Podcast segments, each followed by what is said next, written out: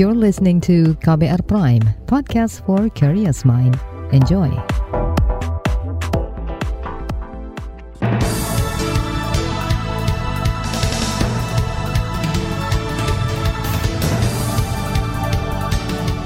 Selamat pagi saudara, senang sekali kami bisa menjumpai Anda kembali melalui program Buletin Pagi edisi Selasa 17 Mei 2022.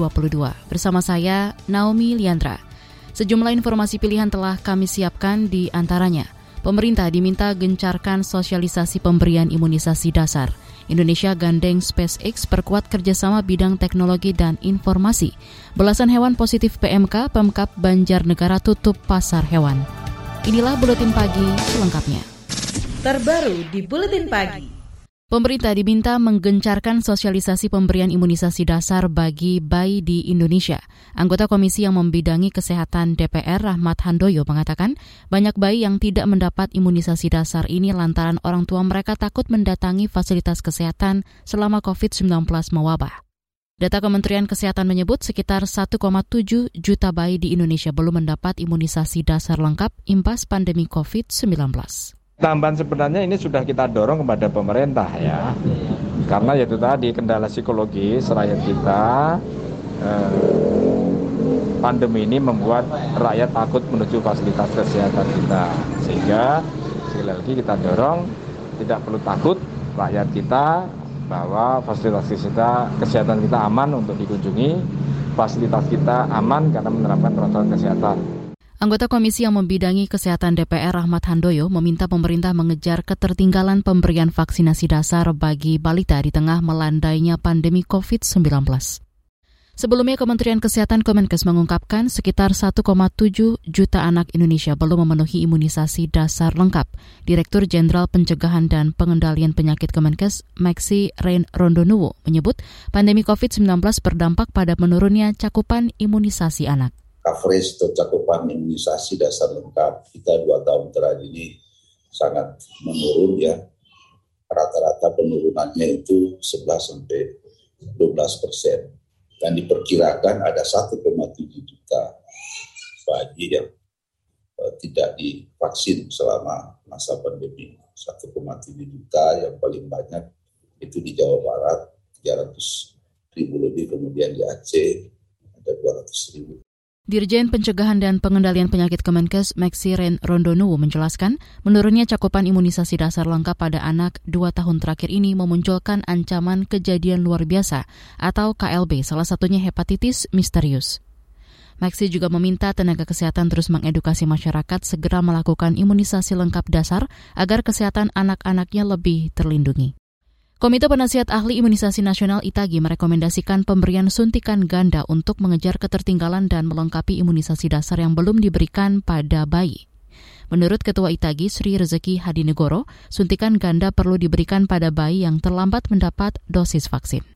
Kan ganda ini untuk meningkatkan cakupan. Jadi tentu kita uh, melihat beberapa literatur secara evidence base ini bisa menjadikan untuk pemberian program imunisasi primer maupun kejar atau catch up tadi. Ketua ITG Sri Rezeki Hadinegoro menjelaskan pemberian imunisasi ganda ini juga harus mematuhi persyaratan cara pemberian imunisasi ganda. Misalnya diberikan sesuai umur anak atau diberikan berjarak dua bulan sesuai usia. Sementara itu Komisi Nasional Kejadian Ikutan Pasca Imunisasi Komnas KIPI menyebut munculnya KIPI usai anak divaksinasi merupakan reaksi yang wajar. Ketua Komnas KIPI Hindra Irawan Satari mengatakan imunisasi dasar anak perlu terus diberikan agar kekebalan kelompok terhadap suatu resiko penyakit dapat dibentuk. Kawan vaksin itu memang penting untuk melaksanakan program dan dilakukan terus. Secara berkesinambungan merupakan reaksi alamiah karena benda asing dimasukkan, tubuh mengadakan reaksi dan hasil kekebalan yang diperoleh semua hampir eh, bersifat ringan, dapat hilang dengan atau tempat pengobatan. Dengan demikian, KIPI karena kekeluaran pesur, mudah-mudahan kita dapat tekan serendah-rendahnya. Ketua Komnas KIPI Hindra Irawan Satari mendorong Komisi Daerah KIPI memantau reaksi dan membuat kajian pasca imunisasi di daerah. Ikatan Ahli Kesehatan Masyarakat Indonesia IAKMI juga mendorong pemerintah mempercepat capaian imunisasi dasar untuk anak. Ketua Umum IAKMI Ede Surya Darmawan menilai, saat ini waktu yang tepat untuk melengkapi ketertinggalan imunisasi itu karena kasus COVID-19 melandai. Tentu itu diawali dengan melihat populasi balita yang memerlukan vaksinasi itu seperti apa, kemudian juga melihat kapasitas dari pemerintah daerah itu. Nah, pada daerah-daerah yang mampu, katakanlah seperti Jakarta atau Jabodetabek, katakanlah secara umum di Pulau Jawa, berarti kan perhatian kita eh, relatif barangkali tidak perlu terlalu apa, kuat ya. Tetapi pada daerah-daerah yang memang kurang, tenaga kesehatannya kurang, itu harus diberikan perhatian khusus sehingga pemerintah pusat itu bisa memberikan bantuan khusus di sini. Gitu. Ketua Umum IAKMI Ede Surya Darmawan berharap Presiden Jokowi mengeluarkan instruksinya untuk mengintervensi jajarannya dan pemerintah daerah mempercepat imunisasi dasar. IAKMI juga mengingatkan agar pemerintah mengedukasi orang tua terkait pentingnya melengkapi imunisasi dasar bagi anak-anak mereka. Saudara, gabungan pengusaha kelapa sawit dorong Presiden hapus larangan ekspor CPO. Selengkapnya tetaplah di Buletin Pagi KBR.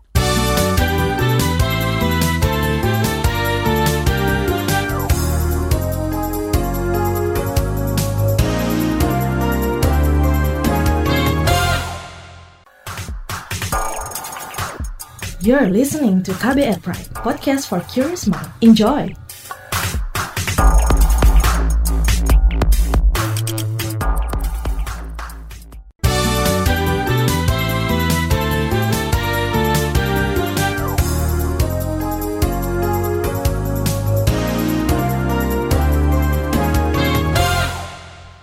Anda sedang mendengarkan buletin pagi KBR.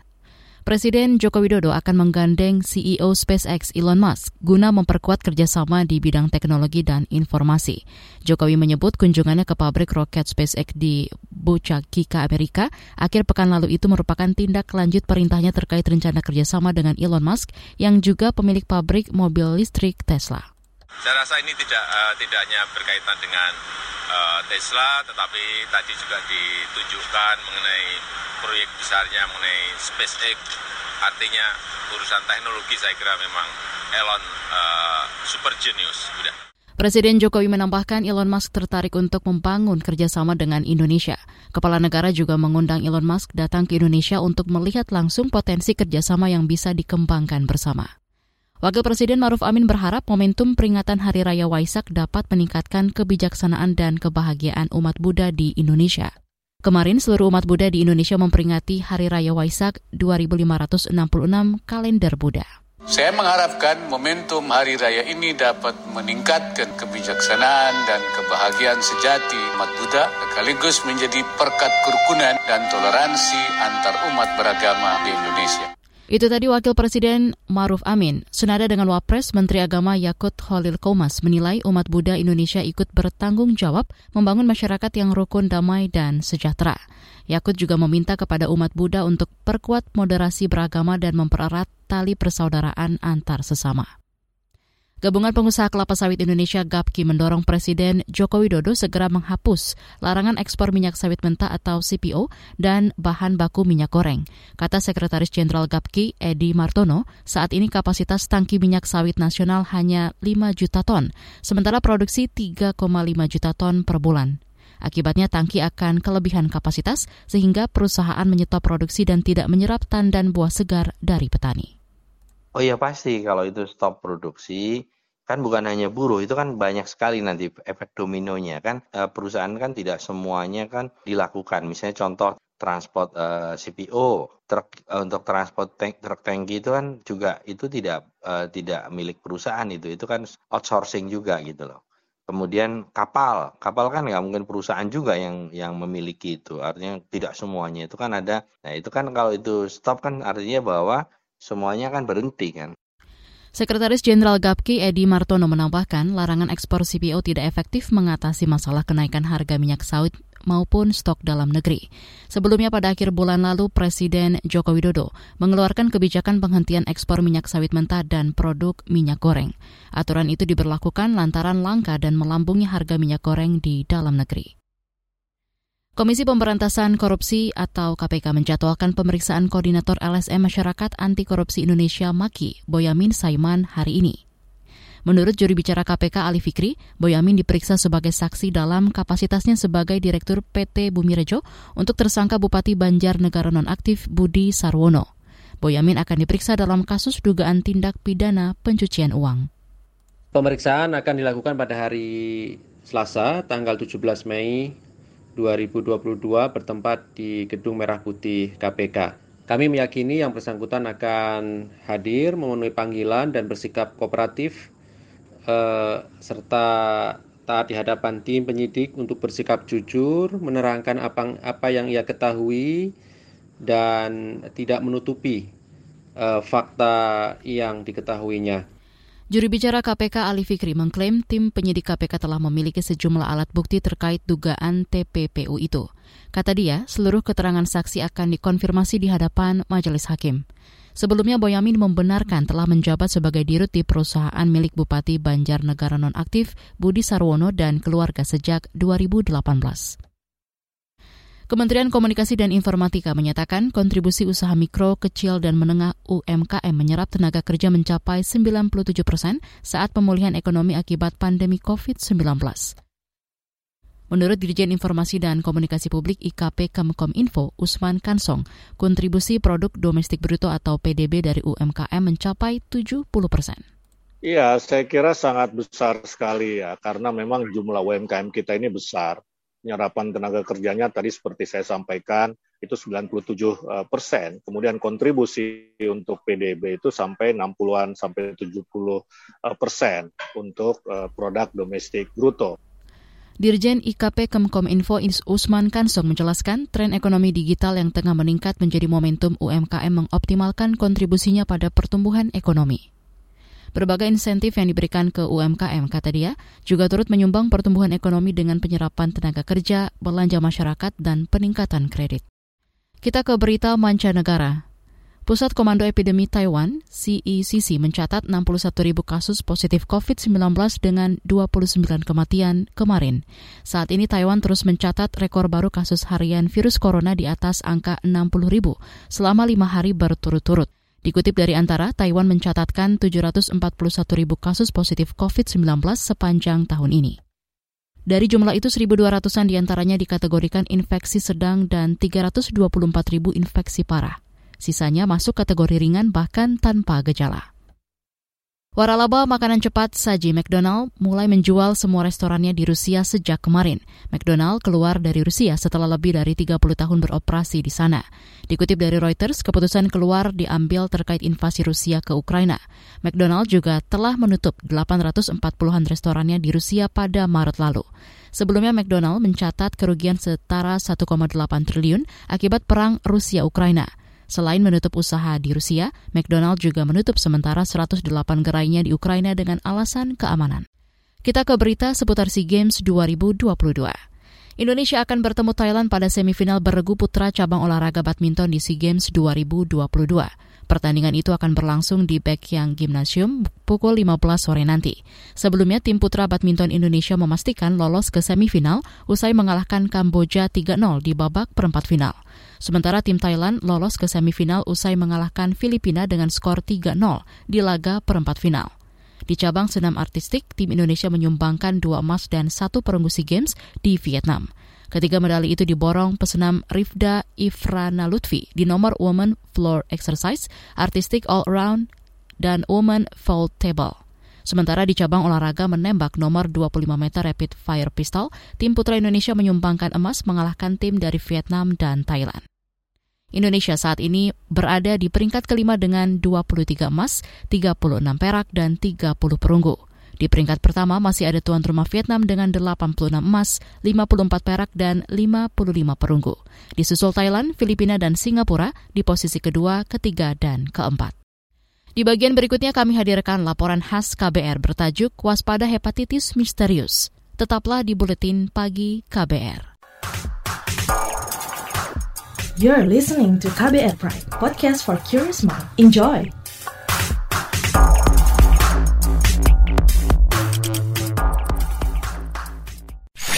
Commercial break. Commercial break.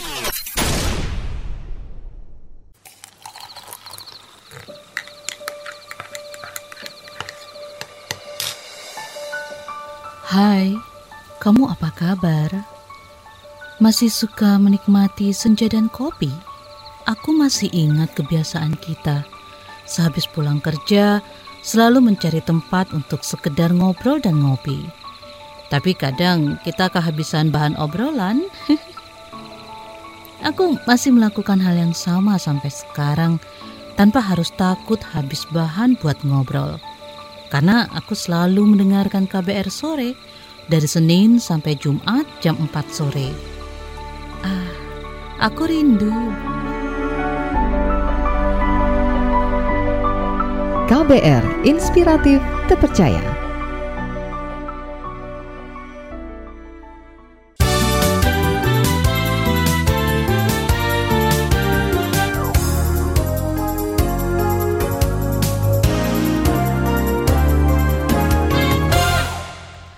Anda masih bersama kami di Buletin Pagi KBR. Organisasi Kesehatan Dunia WHO menetapkan hepatitis akut sebagai kejadian luar biasa atau KLB. Kasus ini bermula dari laporan Inggris Raya tentang temuan 10 hepatitis akut pada anak-anak yang tidak diketahui penyebabnya. Laporan terus bertambah hingga ke belasan negara termasuk Indonesia. Lantas apa upaya pemerintah? Berikut laporan khas KBR yang disusun jurnalis Mutia Kusuma Wardani. Sebanyak 15 kasus hepatitis akut telah ditemukan di Indonesia Penyakit yang masih misterius ini terdeteksi sejak 27 April 2022. Tiga kasus di antaranya terdapat di DKI Jakarta yang menyebabkan mereka meninggal. Menteri Kesehatan Budi Gunadi Sadikin mengatakan telah mengeluarkan surat edaran yang isinya memerintahkan semua rumah sakit dan dinas kesehatan memantau kasus ini.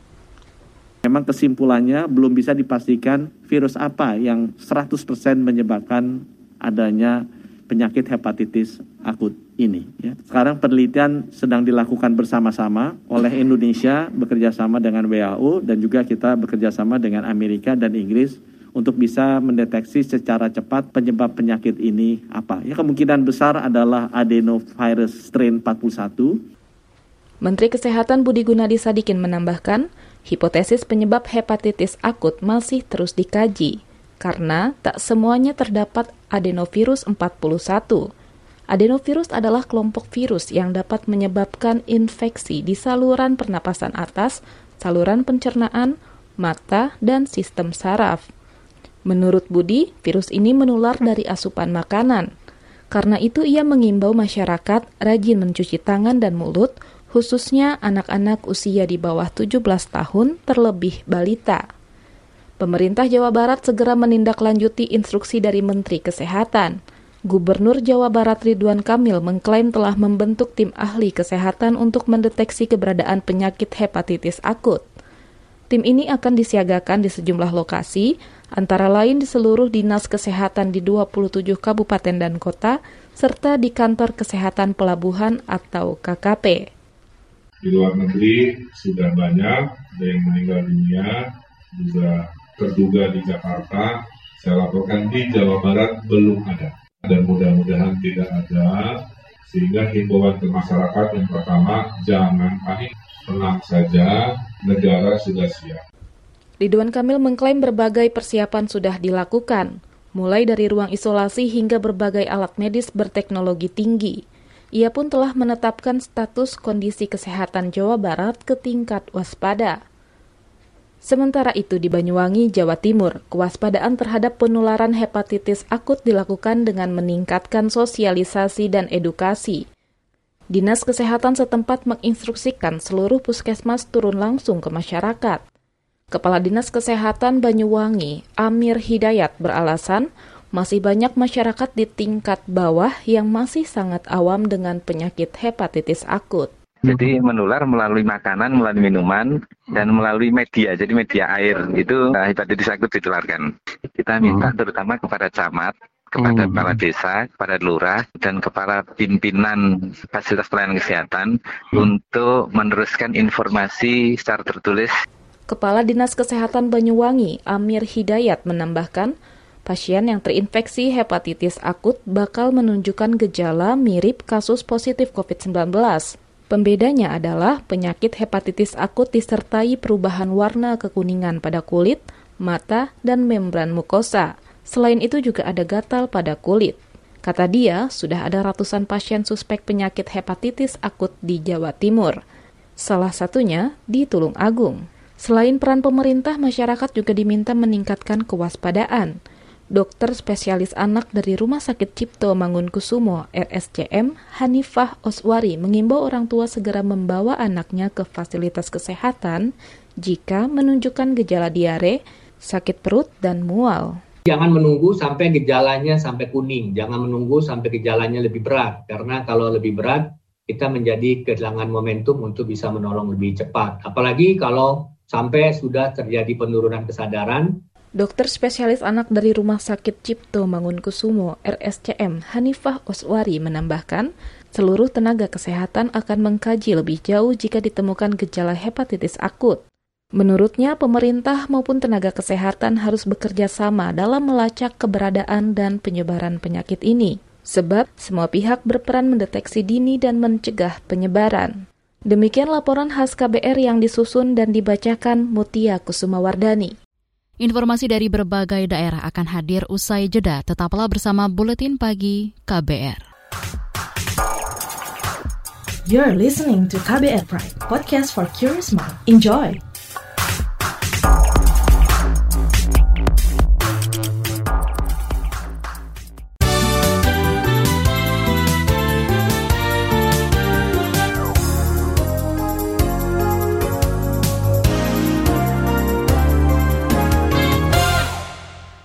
Inilah bagian akhir buletin KBR. Kita ke Jawa Tengah.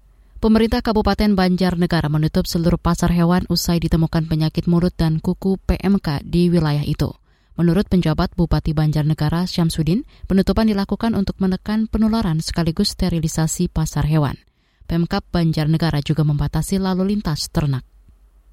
Membentuk Satgas gugus tugas pengendalian PMK Kabupaten Banjarnegara ini terdiri dari OPD terkait. Berikutnya melakukan penutupan pasar hewan. Baik pasar hewan ternak besar, sapi, maupun pasar hewan ternak kecil, kambing dan domba. Yang ada di seluruh wilayah Kabupaten Banjarnegara selama 14 hari. Sejak hari Senin tanggal 16 Mei 2022 Penjabat Bupati Banjarnegara Jatang Syamsuddin juga meminta masyarakat dan peternak tidak panik. Alasannya penyakit mulut dan kuku pada ternak mudah diobati dan tidak menular ke manusia. Sebelumnya belasan sapi di Kabupaten Banjarnegara positif terjangkit tersebut. Kepolisian daerah Jawa Timur mengungkap kasus penyelewengan pupuk bersubsidi yang berdampak pada kenaikan harga pupuk untuk tanaman padi. Kapolda Jatim Niko Avinta mengatakan, kepolisian telah menetapkan 20-an tersangka karena menjual harga pupuk subsidi lebih tinggi dengan modus menggantinya ke karung pupuk non-subsidi. Polda Jatim menyita lebih dari 5.500 sak atau hampir 280 ton pupuk ilegal bersubsidi dari 9 kabupaten sebagai barang bukti. Kita bisa bayangkan kalau pupuk dengan jumlah banyak, itu akan memberatkan petani. Sedangkan para pelaku mengganti bungkus tasnya sehingga mendapatkan keuntungan dengan jumlah antara 45 ribu sampai 85 ribu per stak. Kemudian modus yang kedua, yaitu menjual dengan pupuk di atas harga eceran tertinggi. Karena kadang-kadang eh, petani sudah sangat butuh, akan membeli. Padahal tidak boleh, karena sudah ditetapkan harga eceran tertinggi 115 ribu. Kapolda Jatim Niko Avinta menambahkan pelaku juga mengelabui petugas dengan menjual pupuk ke Kalimantan Timur dengan menggunakan kapal. Kata dia penyelewengan itu mengganggu ketersediaan padi di Jatim yang menjadi salah satu lumbung padi terbesar nasional. Masih di Jawa Timur, Badan Penanggulangan Bencana Daerah BPBD Kabupaten Situbondo mencatat 7 dari 17 kecamatan yang ada di kabupaten itu terancam kekeringan. Menurut Kepala Bidang Pencegahan dan Kesiapsiagaan BPBD Situbondo, Gatot Trikorawan, diperkirakan ada 10 desa di 7 kecamatan yang diperkirakan akan mengalami krisis air bersih di musim kemarau tahun ini. Kepala Bidang Pencegahan dan Kesiapsiagaan BPBD Situbondo Jatim, Gatot Trikorawan menambahkan, selain rawan kekeringan, kabupaten itu juga rawan kebakaran lahan dan hutan. Kata dia, ada hutan Taman Nasional Baluran dan hutan di kawasan Gunung Arjuna langganan kebakaran saat musim kemarau. Informasi tadi menutup jumpa kita di Buletin Pagi hari ini. Pantau juga informasi terbaru melalui kabar baru, situs kbr.id, Twitter kami di akun @beritaKBR, serta podcast di alamat kbrprime.id. Akhirnya saya, Naomi Liandra bersama tim yang bertugas undur diri. Salam.